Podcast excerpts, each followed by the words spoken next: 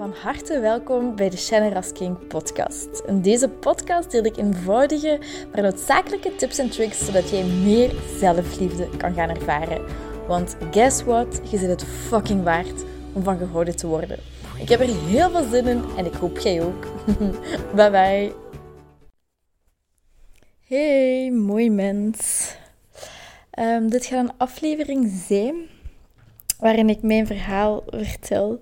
En hoe ben ik daar nu opgekomen is, het is voor mij dinsdagavond. Uh, ik ben bij mijn mama gaan eten. Ze heeft overschoten mijn lievelingsgerecht, alleen voor de winter, gemaakt. Was super lekker. Ehm, nu ben ik thuis, het is hier muisstil. Ik woon op zo'n pleintje. Um, het is hier in het appartement, het is heel rustig op straat. En dat was zalig om nu even te genieten van, van die stilte. En ik heb echt gewoon tien minuten, kwartier gewoon gezeten de zetel, naar buiten gestaard en echt gewoon genoten van, van de stilte. En met naar buiten te staren, ik woon enfin, tegenover aan het plein, is een wassalon. Ik woon er wel boven, maar er is ook een tegenover mij. En ik zie daar het wasmachine draaien met kleren. En ik kreeg gewoon terug een flashback naar, hoe lang is het nu geleden? Vier jaar geleden.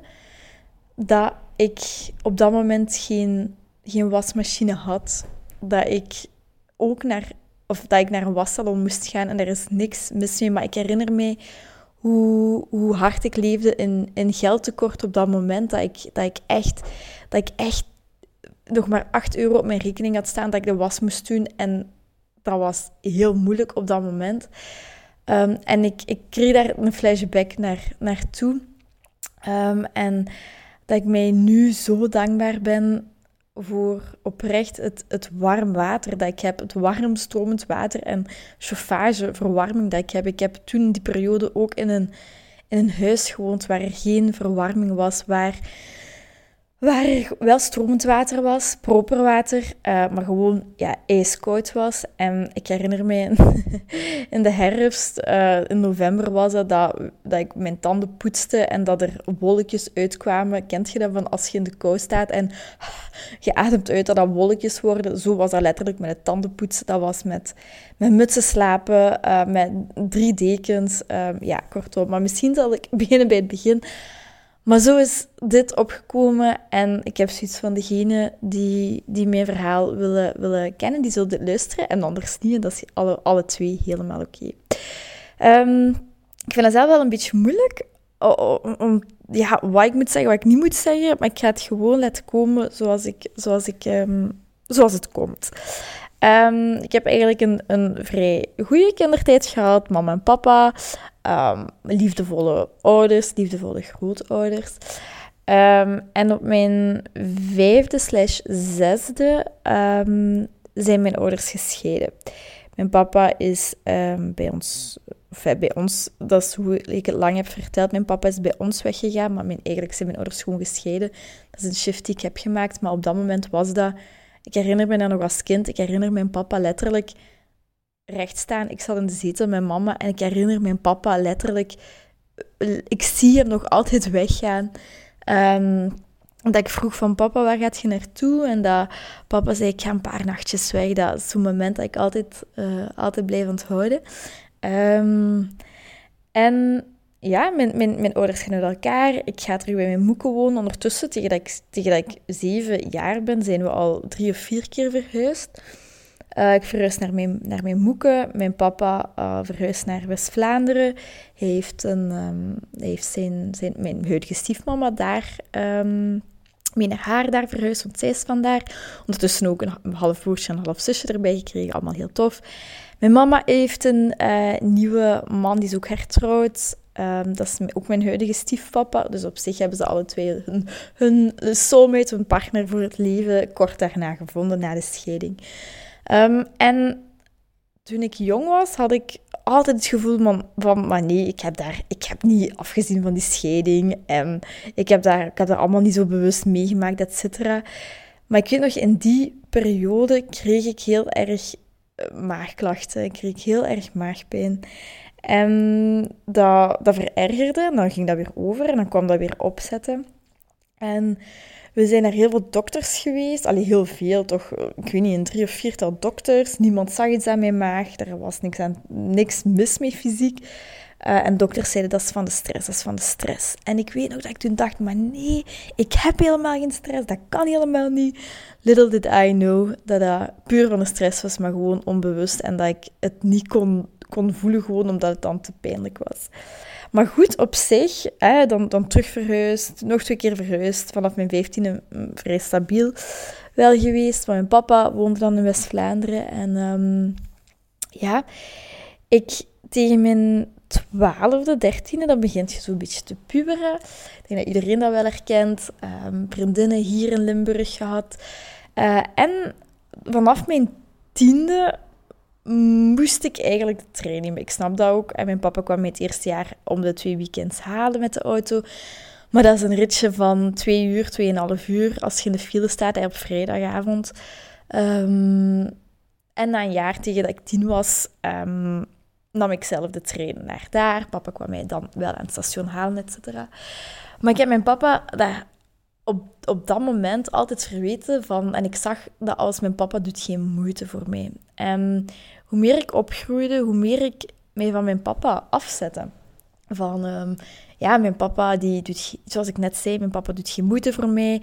Uh, bijvoorbeeld als er een verjaardag was en ik kreeg geen cadeautje, dan kon ik daar ongelukkig van zijn. En ik verwachtte gewoon echt superveel van mijn papa. Nu kan ik zien, mijn papa heeft gewoon, en mijn mama, ze hebben alle twee alles gedaan wat in hun macht lag om, om mij alles te geven wat zij konden geven. Dat, dat zie ik nu, maar op dat moment niet. En ik groei op en oh, ik zit zo, zo, zo slecht in mijn vel. Ik ben zo onzeker tegen dat ik 15 jaar ben. Um, ik begin mijn hakken te dragen, make-up. Um, ik wist totaal niet wie ik was en ik vond iedereen's mening over mijzelf vond ik zoveel belangrijker dan de mening die ik over mezelf had. Want ik had zelf geen mening. Omdat ik gewoon... Ja, ik wist, niet, ik wist zelf niet wie ik was. Ik werd zo beïnvloed langs alle kanten. Ik, had, ik stond mijn eigen vrouwtje of mijn eigen mannetje gewoon totaal, totaal, totaal niet. Onzeker. En zoals ik in de vorige podcast ook heb aangehaald, echt zo sterk de bevestiging nodig van... En vooral van mannen. Um, nu kan ik dat zien, hè, doordat ik mijn papa uitzoek in mijn leven komt je eigenlijk je papa terug in relaties. Mannen die, waarvan ik ook vond dat ze niet genoeg voor mij deden. Um, heel hard die, die aandacht nodig hebben. Zoals ik ook al in veel podcasts zei, als ik met vriendinnen over straat liep of naar Pukkelpop ging of weet ik veel, uh, continu bezig zijn met uh, welke man kijkt naar mij, welke man kijkt naar mijn vriendinnen. En mij dan zo slecht voelen op een feestje bijvoorbeeld. Ik wilde gewoon soms naar huis gaan omdat ik geen aandacht kreeg. Zo erg was het op bepaalde momenten.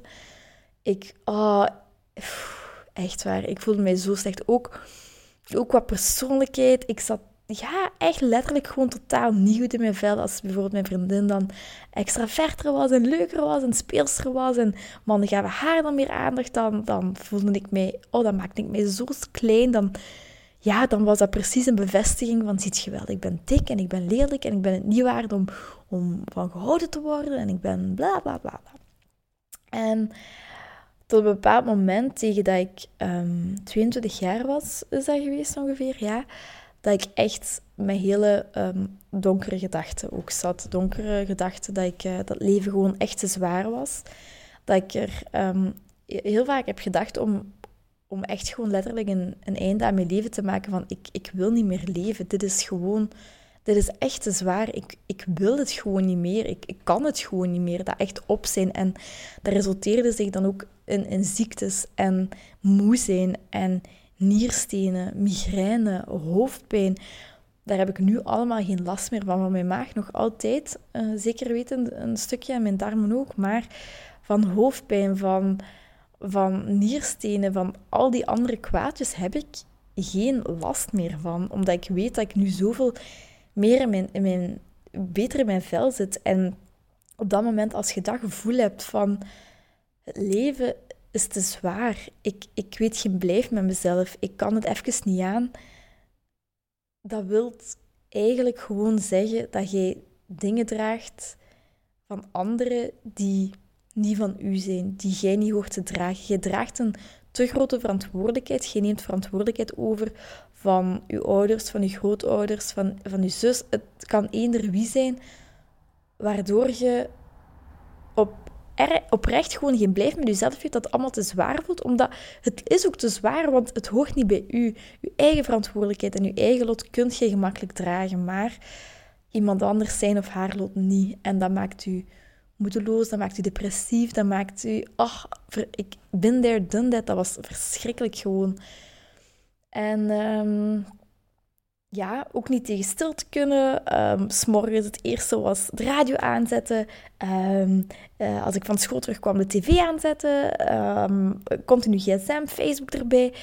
Geen moment van stil te kunnen inlassen. Gewoon niet tegen de stil te kunnen. En mannen zo speciaal maken in mijn leven. En de foute mannen aantrekken.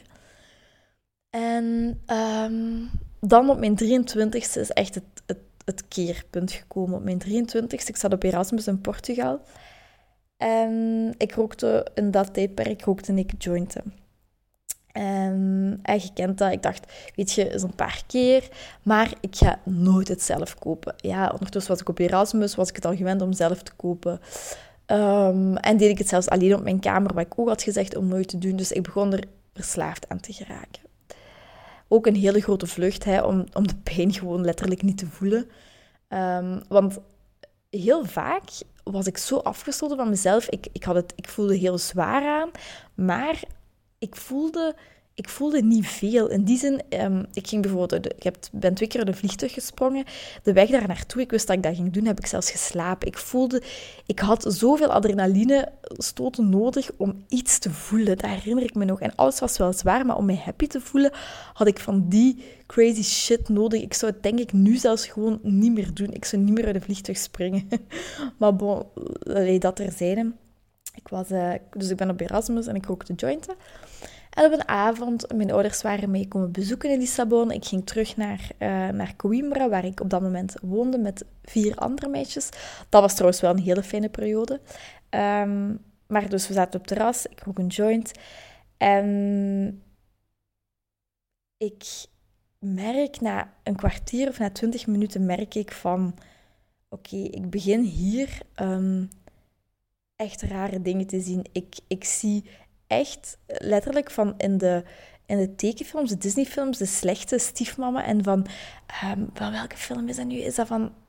Um, ja, ik zie ze voor mij. Ik weet niet meer wie als een slecht karakter. En dat zag ik in iedereen die rond mij zat. Ik, zat. Ik zag in iedereen het slechte. En toen dacht ik, oeh, dit voelt niet goed. Ik ga slapen. En um, ik ging naar mijn bed en dat was precies alsof ik onder water getrokken werd. De hele tijd dat beeld dat ik onder water getrokken werd, dat ik gewoon niet, niet boven geraakte. Um, ik moest mijn ogen open houden, ik moest het licht aandoen. En kort daarna heb ik een, um, een psychose gekregen. Ik, um, op dat moment wilde ik bijna uit het raam springen. Ik weet nog dat die, die gedachte, of van het balkon springen. Ergens was er nog altijd een stemmetje die zei, nee, doe het niet. Maar die andere kant was er ook heel sterk. En um, ik ben naar een vriendin gegaan. Ik, ik moest gewoon iemand rond mij hebben. En ik... Um, ik weet ook dat ze mij thee wilden aanbieden en dat ik echt gewoon dacht dat ze mij wilden vergiftigen. Uh, ik vertrouwde op dat moment en lang daarna, maar dat komt zelfs niemand niet meer. Maar echt gewoon, ik vertrouwde niet wat ze zei, ik vertrouwde niet, ik vertrouwde gewoon niks. En dat was zo raar. Ik had gewoon letterlijk geen controle over mezelf en ik had geen filter meer op mezelf. Alles wat ik dacht, maar echt alles kwam er gewoon uit. Ik had geen, geen willekeur meer wat ik wel zei en wat ik niet zei. Alles gewoon wat ik dacht, kwam eruit. En daar kwamen echt waar de raarste dingen uit. Van, je wilt mij vergiftigen en, en je haat mij en ik haat mezelf. En ik heb, ik heb schrik om, om dood te gaan. Ik heb schrik dat ik mezelf iets ga aandoen. Zo diep zat dat. En dat waren allemaal gedachten die ik zelf nooit wilde toegeven aan mezelf, maar die er wel zaten, maar dat ik nooit heb naar durven kijken, omdat het gewoon te pijnlijk was. En... Um, ja, zij, zij is super lief voor mij geweest. Um, en zij is, is een paar uur bij mij gewoon wakker gebleven. Bij, gewoon bij mij geweest, geluisterd. En ik bleef maar ratelen. Ik weet zelfs niet meer allemaal wat ik gezegd heb. Maar ik weet dat het van dat, dat zelfmoord. Um, ik dacht dat het het diepste punt was waarop ik zat. En toen werd het zo wat beter. En alles waar ik ooit had in geloofd, echt, ik stelde me dat voor, dat, nee, maar echt letterlijk een hele muur rondom mij, wat ik had opgebouwd van identiteit. Van ik ben, ik ben leuk en ik ben extravert en ik ben... Uh, want ik wilde alleen maar het goede zijn. Het slechte wilde ik zoveel mogelijk wegdoen. Dus ik ben, hey, ik ben leuk en extravert en ik ben lief en, en ik ben hard to get en ik ben aantrekkelijk. Bla, alles wat ik mezelf wijs maakte dat, dat, ik, dat ik was of ergens een masker opzetten. Dat was dus een muur rond mij en toen is dat zo afgebrokkeld. Ik lag daar, niet dat ik daar in, in stukken lag, maar die muur, die identiteit wat ik mezelf had opgelegd, dat masker, die dikke muur, die was ineens afgebrokkeld. En fuck, dan moest ik ineens naar mezelf gaan kijken. En het is veel meer geweest dan een bad trip. Dit was echt gewoon, oké, het was misschien een lichte psychose, maar het was, het was een psychose en dat is het keerpunt van alles geweest. Want de maanden daarna heb ik zo hard last gehad van paniekaanvallen en angstaanvallen. En ik weet nog dat ik, dat ik mijn mama zelfs niet meer vertrouwde, mijn vriendin niet meer vertrouwde. Ik vertrouwde niemand meer. En je kunt je dat niet, niet voorstellen als je dat niet, nog niet hebt meegemaakt, maar letterlijk alles hier in deze samenleving, dat besefte ik toen, is gebaseerd op vertrouwen. Een metro nemen, vertrouwt je erop dat mensen Ehm, dat mensen gewoon hun, hun, hun job uitvoeren en dat mensen normaal tegen je doen. En dat was zoiets van, wow, what the fuck, ik vertrouw gewoon niks en niemand meer. Zoveel paniekaanvallen, zoveel angstaanvallen, soms dat ik de deur niet uit wilde. Heel veel migraineaanvallen, twijfel aan mezelf. Ehm, dat was echt gewoon niet, niet, niet te doen. Um, maar goed, ik, ik zat op dat moment nog altijd in Portugal. En ik heb dat um, na een maand tegen mijn mama gezegd. En ik weet nog dat ik met mijn mama een week op vakantie was gegaan. Mijn stiefpapa en mijn stiefbroertjes waren er ook bij. En dat mijn mama dingen kon zeggen. En dat ik echt kon denken ineens van... Maar jij bent zo een, een dom wijf. En hoe schuldig ik me dan voelde van die gedachten. Maar dat waren duidelijk gedachten die die over mij gingen of totaal niet over mijn mama gingen. Want dat is de, de liefste vrouw die er is. Die ligt zo nog aan mijn hart. Dus ik heb een geweldige, geweldige, geweldige mama die alles voor mij doet.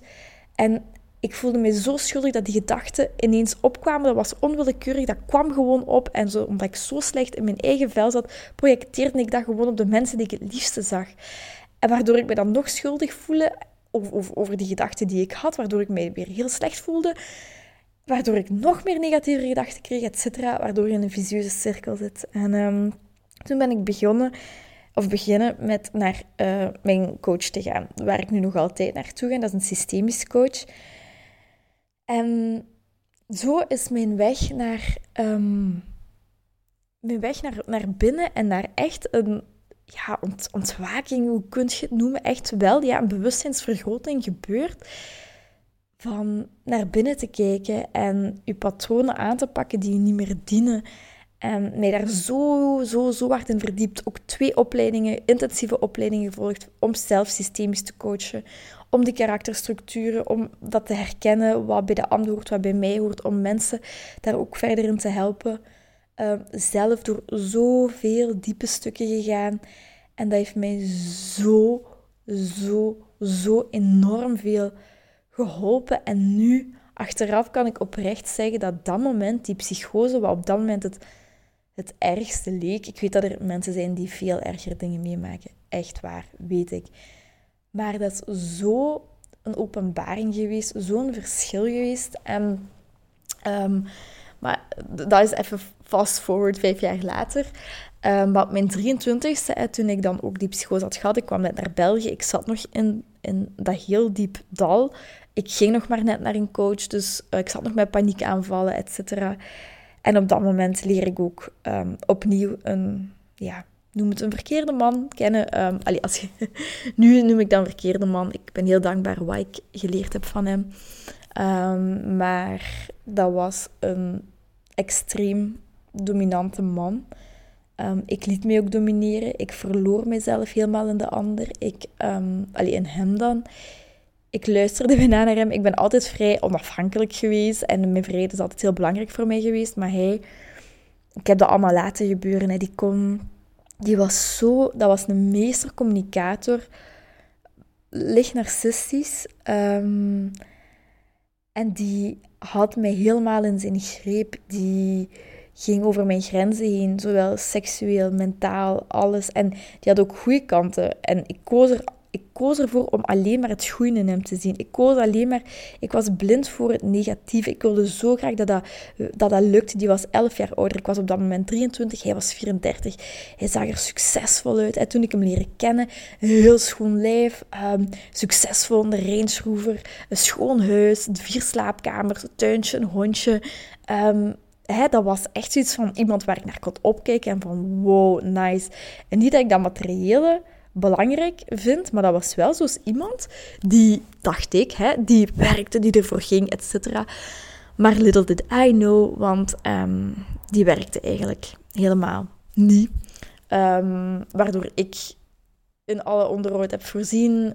Maar bon, dat, dat is voorbij. Maar alleszins, we hebben, we hebben een, een... Hoe lang was het? Mm, zeven of acht maanden in een huis gewoond met, um, met schimmel, waar er wel stromend water was, zoals ik zo net zeg, maar geen, geen, um, geen warm water, geen chauffage. En de zomer ging dat. We zijn daar in, ik weet niet, in juni of zo gaan, gaan wonen. Ja, mei, juni.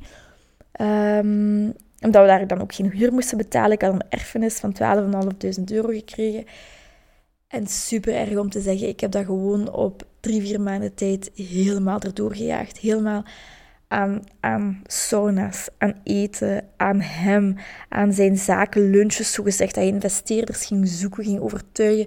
Dat ik hem geld gaf om kleren te kopen, um, om, om, om te gaan drinken, um, voor zijn auto. Oh my fucking god, echt waar. Um, later dat we dan uit dat huis waren Um, ook dat we samen gingen wonen. Zo, zo stom was ik op dat moment dat we samen gingen wonen.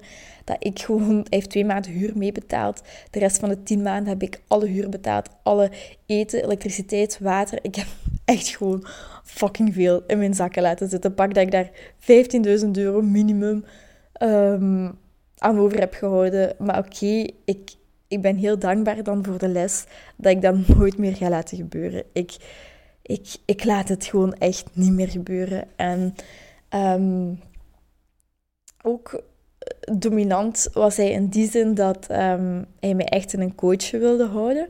Uh, als ik naar vriendinnen ging, hij vond dat heel moeilijk. Hij zette mij ook een beetje tegen mijn vriendinnen op. En ik liet dat ook allemaal gebeuren. Zeker mijn verantwoordelijkheid ook. Um, van ja, vriendinnen zijn er toch wel niet geweest. En ik, ik sloot me heel erg af van vriendinnen. Van mijn mama, zo lang ruzie gehad. Ik was echt waar. Ik was echt een fucking bitch. Een, een verwend nest dat nul dankbaarheid had, nul respect, of nul misschien niet, maar echt heel weinig respect naar haar ouders toe, naar haar vriendinnen toe. Ik heb mijn vriendinnen verwaarloosd, mijn mama verwaarloosd, mijn familie verwaarloosd. Ik heb echt de mensen die ik graag zie en die mij graag zien, verwaarloosd voor een fucking kerel die fucking niet werkt. Dus, en gewoon echt een fucking ekel is. Oprecht, die kon niks aardigs over mijn vriendinnen zeggen, over mijn familie zeggen. Maar letterlijk niks. Maar toch koos ik er blindelings voor om het goede in hem te zien. Hè. Ehm, maar oké, ik heb dan, ik ben naar die coach blijven gaan en opeens zei die coach, Shannon, je bent hier binnengekomen en ik weet dat je toen angstaanvallen had en paniekaanvallen. Maar je kwam hier binnen als een mooie tropische vogel met heel veel kleuren. En nu zijt jij een, een zwart vogeltje met een gebroken vleugel in een kooi. En dat kwam zo, zo, zo hard binnen. En ik voelde gewoon dat dat klopte. En dat was het moment dat ik gezegd heb: oké, nee, hier stopt het. Toen heb ik het die avond ook gedaan gemaakt. ben met mijn mama gaan slapen. Maar het appartement stond op zowel zijn en mijn naam. En ik had zoiets van, ja, ik ga het sowieso moeten betalen. Heeft geen rotte frank.